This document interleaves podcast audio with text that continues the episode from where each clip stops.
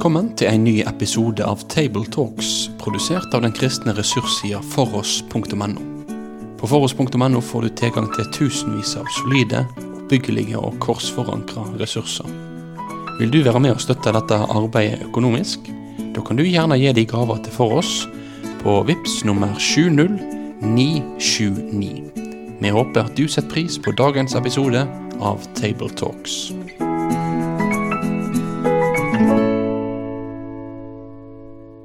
Da er det en glede å ønske deg hjertelig velkommen til eh, Table Talks.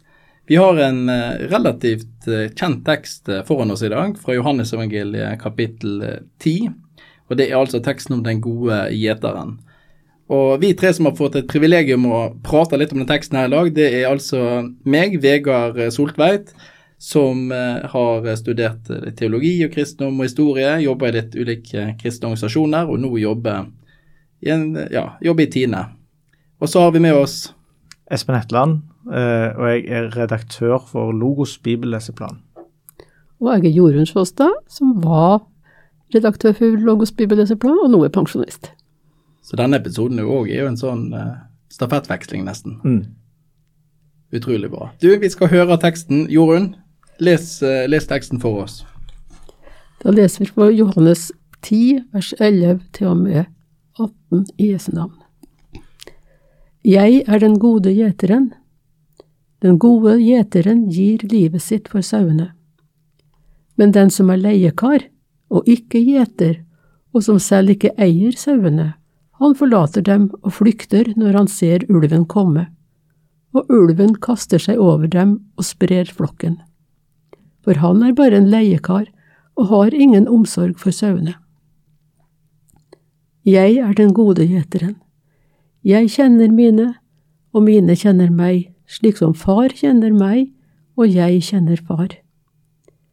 Jeg gir livet mitt for sauene. Jeg har også andre sauer som ikke hører til denne flokken. Også dem må jeg lede. De skal høre min stemme, og det skal bli én flokk og én gjeter. Far elsker meg fordi jeg gir livet mitt for siden å ta det tilbake.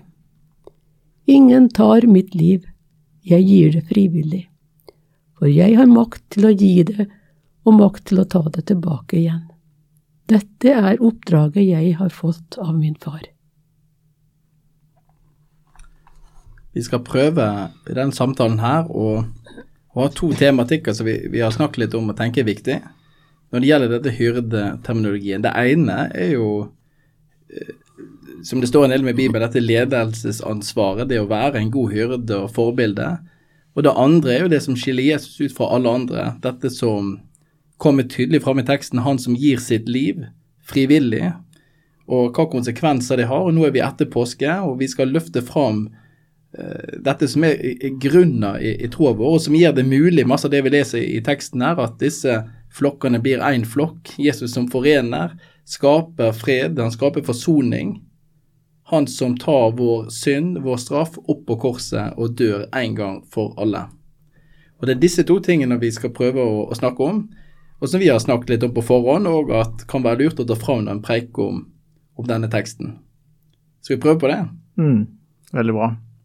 Jeg tror jo når, um, når vi begynner å lese den teksten, når vi begynner med denne veldig tydelige setningen 'Jeg er den gode gjeteren', så tipper jeg at alle som er vant med å forkynne Guds ord, og som er glad i å lese Bibelen, med en gang får masse assosiasjoner. Hyrde og gjeter det er et godt sånt bibelsk begrep. Og jeg tror for de fleste av oss så dukker Salme 23 opp. Eh, 'Herren er min hyrde'. Og vi tenker kanskje på eh, kong David, denne kongen som ble eh, kalt av Gud mens han sto ute på marka, mens alle brødrene var henta inn for å liksom, bli valgt ut. Så var han ute og passa sauene. Så det, det, er noen sånne assosiasjoner som går med en gang når vi hører om, om gjeteren. Det er jo mange ting fra Det gamle testamentet som har en sånn gjeterterminologi. og når, Jesus står fram her og, og bruker denne hyrde eller gjeteren, så tror jeg det er mange tanker som har kommet de som har hørt den med en gang. Sånn som du er inne på, altså Gud som hyrde, kongen og ledere som hyrder.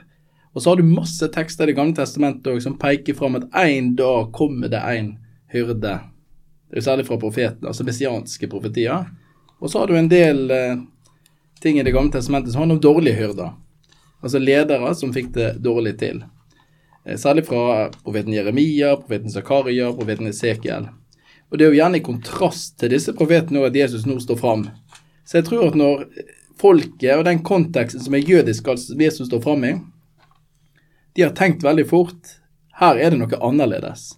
Og måten Jesus beskriver seg på, beskriver hvem han er, så slår det veldig ut i kontrast til disse dårlige hyrdene vi leser om i, Det gamle testamentet, som blir beskrevet der. De som kun tenkte på seg sjøl. Her er det en som er radikalt annerledes. Mm. Jeg syns jo det er fint å kunne lese den teksten fra Esekiel, egentlig, for det, det sier jo da Herren Gud, se, jeg vil selv lete etter sauene mine og ta meg av dem. Som en gjeter tar seg av sauene sine og er med dem den dagen de blir spredt, slik vil jeg ta meg av sauene mine og berge dem fra alle stedene de kom til da de ble spredt på den mørke, skytunge dagen. Og så sier han noen ting om at han skal gjete dem, og han skal leite etter dem, og han skal finne gode beitemarker, og han skal la dem hvile på frodige enger og gå på saftige beiter. Og leite opp de bortkomne, før de for, tilbake de fordrevne, forbinde de skadde, styrke de syke, vokte de fete og sterke og gjete dem på rett vis. Det er ganske tydelige ord som var sagt om den hyrden som skulle komme, og det er jo det Jesus gjentar her. Ja. Og det, og det, er jo radikalt sagt. da, og jeg tenker Esekiel, når han skriver om denne Davidshyrden, eller hvem som skal stå fram igjen i Nå leste du sikkert fra Esekiel 34.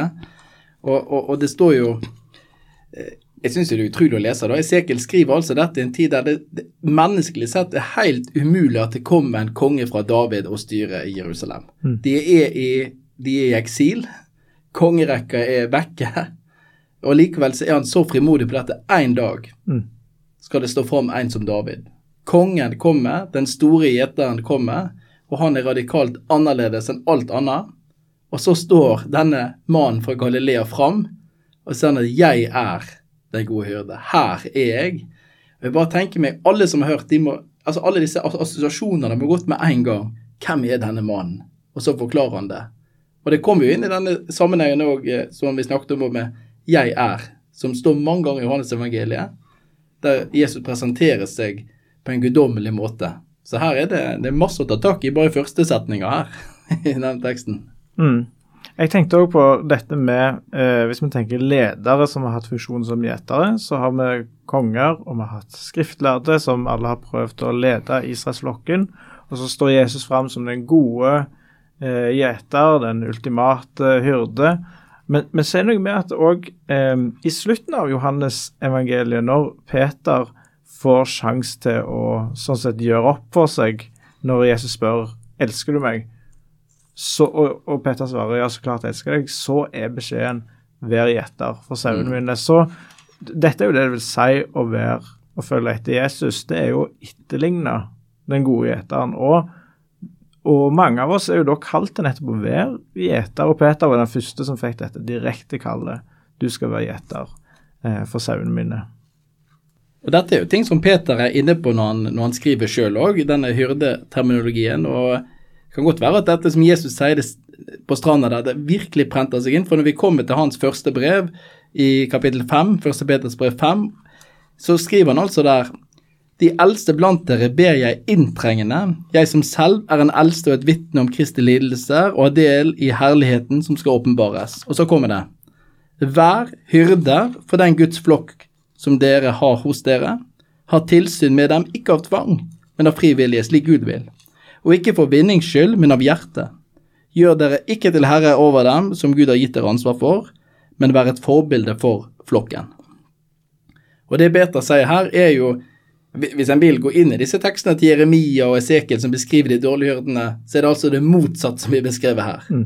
En skal ikke gjøre seg til herre over dem. Og det er jo dommen òg. Vi leser hvorfor er folk i eksil. Jo, lederne må ta en del av skylden. De har leder dere feil. De har tenkt på seg sjøl mer enn de har tenkt på Gud og folket. De har vanæra tempelet, eh, osv. Og, Og så kommer Peter sin formaning her til ledere. Jo, vær en leder for flokken, ikke ha tvang. Ikke sett deg som herre over dem. Vær motsatt.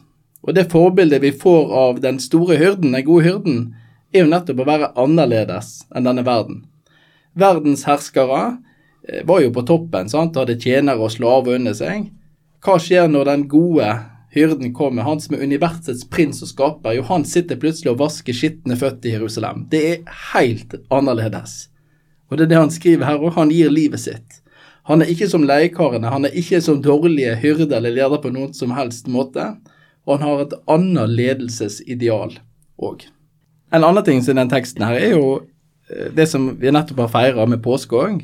Han som gir livet sitt. Og, og det syns vi òg at jeg bør løfte opp denne dagen og minne om. For den teksten er så to the point. Eh, og så er det noe som er utrolig flott i teksten. Og for Jesus snakker om at han har også andre sauer fra vers 16 som ikke hører til denne flokken. Også de skal lede, og så kommer det de skal høre min stemme, og det skal bli én flokk og én gjeter. Mm. Og når vi leser utover Det nye testamentet, så blir gudsfolket alltid beskrevet som én. En enhet. Og jeg tenker her møter vi jo det utvida perspektivet veldig godt. Med, med Israelsflokken, altså der Jesus sendte dette folket som blir kalt for sauer, da, som ikke hadde hyrde osv. Og, så og hvem er da de andre? Jo, skal ikke det være folkeslagene? Som altså blir ført sammen i han. Altså Ved Jesu død oppstandelse, han som gir livet sitt, så skjer det utrolig masse. Det ene er jo at det blir fred mellom mennesker og Gud. Eh, og et annet aspekt er jo at det blir fred mellom Israel og folkeslagene. Altså det fiendskap og muren som skilte, som Paulus beskriver i Feserbrevet, blir brutt ned. Og så blir det én kropp. Både jøder og hedninger ble forsont i han. Og det blir altså én flokk med én gjeter. Og så står vi sammen og følger han. Han som er den store, vår øverste hyrden. Og derfor kan vi si, vi som ikke er en del av Israel, sammen med David, Herren er min hyrde. Jesus er min hyrde. Det syns jeg er ganske fint, da. Mm. Og i verset før dette så tydeliggjør Jesus òg at det som skiller Jesus fra andre gjetere, er nettopp at sauene kjenner stemmen til den gode gjeter. Og da, Når vi går videre til at Jesus snakker om at jeg og andre sauer som ikke hører til denne flokken, så hører de òg til at de hører De kjenner Jesus stemme. De kjenner dette evige ordet som Johannes åpner hele sitt evangelium med, fordi at alt har sitt opphav i Jesus, i Gud. Um, så når Jesus da roper ut, så kan vi tro at sauene kommer til å kjenne stemmen. Um, ja. Og så er det jo et svar òg på det som har skjedd rett før jorden. Altså, Det er jo i kapitlet før fortellinga om han som var blind, som var født blind, men som fikk synet igjen, og som ble kasta ut av synagogen fordi at uh, de lederne der tøkte ikke han ha snakka rett om Gud. Uh, men så fikk Jesus høre det, og så møtte han ham og spurte tror du på menneskesønnen. Han svarte, hvem er han da, gode Herre, så jeg kan tro på ham? Og så kommer Jesus og sier, du har sett ham, det er han som snakker med deg. Og så kommer det fortellingene om Jesus som er porten og gjeteren og Guds sønn. Vi vet ikke om han mannen fra kapittel ni var med og hørte på dette, men kanskje. Og så fikk en høre at uh, her var det ikke en god en, en gjeter som kom for å berike seg sjøl, men en som var villig til å gi noen ting for at han den blinde som Eller han som har vært blind, skulle få lov til å oppleve at Gud elsker han òg. Ikke bare alle de andre. Det er jo egentlig utrolig å lese. Altså, han som var født blind og hadde aldri lest et ord, han ser altså alt mye tydeligere. Og det er jo det Jesus også tar tak i. Altså, han har jo fått syn igjen på så mange måter. Eh, altså både, ja, eller fått syn igjen, Han har fått synet for første gang fysisk, og så ser han nå hvem Jesus er. Eh, og så er det jo det som er rart, at han ble altså kasta ut av synagogefellesskapet. Og Det perspektivet skal vi jo ta med oss inn i den teksten med falske hyrder og leiekar, og, og hvem er det som kommer for å stjele og røve og sånn? Jo, det er det, er jo, det, er jo, det er jo, den øverste fienden, altså slangen eller djevelen eller Satan. Men så går det òg an at vi mennesker står litt i veien. At vi kan ødelegge litt. Og jeg tenker her er det noen som er kraftigere enn andre, men jeg bare har lyst til å gjøre oppmerksom på det at av og til så tror jeg faktisk at vi skal gå et lite skritt til siden. For Gud, og dette tror jeg altså, Gud har en prosess i, i menneskets liv. Eh, vi kan være på ulike stadier, og, jeg tror Gud rører ved oss, og det skjer noe når vi hører forkynnelsen i nattverden, i dåpen osv. Og, og, og, og det å kunne ta et lite skritt til side av og til, og la Gud få det rommet, uten at vi er veldig bastante og kaster folk ut og holder på, da kan vi faktisk stå i veien. Og istedenfor å være gode hyrder, gode ledere, så blir vi altså i veien for at han som er den store og gode hyrde, virkelig får slippe til. Og det er òg et alvor over, altså. Det er jo lett å tenke at Jesus her um, Eller kanskje det ikke er så lett å tenke. Vi tenker når Jesus sier dette, at dette ordet vi kan ha tillit til fordi vi leser senere i Johannes evangeliet at Jesus oppfyller disse tingene som han sier. Han er den som gir sitt liv, og han er den som har makt til å ta det tilbake igjen. Når Jesus kontrasterer seg selv med leiekarene, så sier han at leiekarene, som selv ikke eier sauene, han forlater sauene og flykter når han ser ulven komme. Og det er jo nettopp den situasjonen Jesus blir satt i i Getsemanehagen.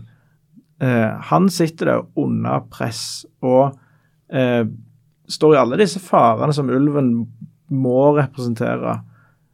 Men når en leiekar ville flykte, så sier han 'la din vilje skje, Gud'. Eh, og står i det og beskytter sauene og går den veien som er lagt foran, det som her står, er oppdraget han gitt av sin far, veien til korset, eh, som førte død, og, og, siden til oppstandelse.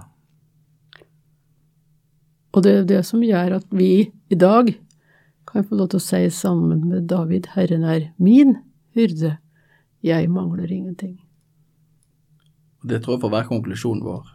Jesus som den gode hyrde, han forener, han forsoner, både med hverandre, men òg det største av alt mellom mennesker og Gud. Og Derfor kan vi si 'Herren er min hyrde'. Vi kjenner den gode hyrde. Og det er òg grunnlaget på at vi kan være gode hyrder og ledere. Til deg som skal preike med den teksten her, så ønsker vi deg Guds velsignelse. Og til deg som sitter hjemme og har en egen andagsstund og leser og lytter, må Gud velsigne deg òg. Da vil vi si takk for at du valgte å få med deg denne episoden av Tabletalks, produsert av den kristne ressurssida foross.no. Driftinga og utviklinga av nettsida vår den er avhengig av gode og trufaste støttespillere. Vil du gi ei gave til dette arbeidet? Da kan du gi den via VIPS nummer 70929, eller så kan du besøke foross.no for mer informasjon om å kunne bli en fast giver. Ha en god dag videre.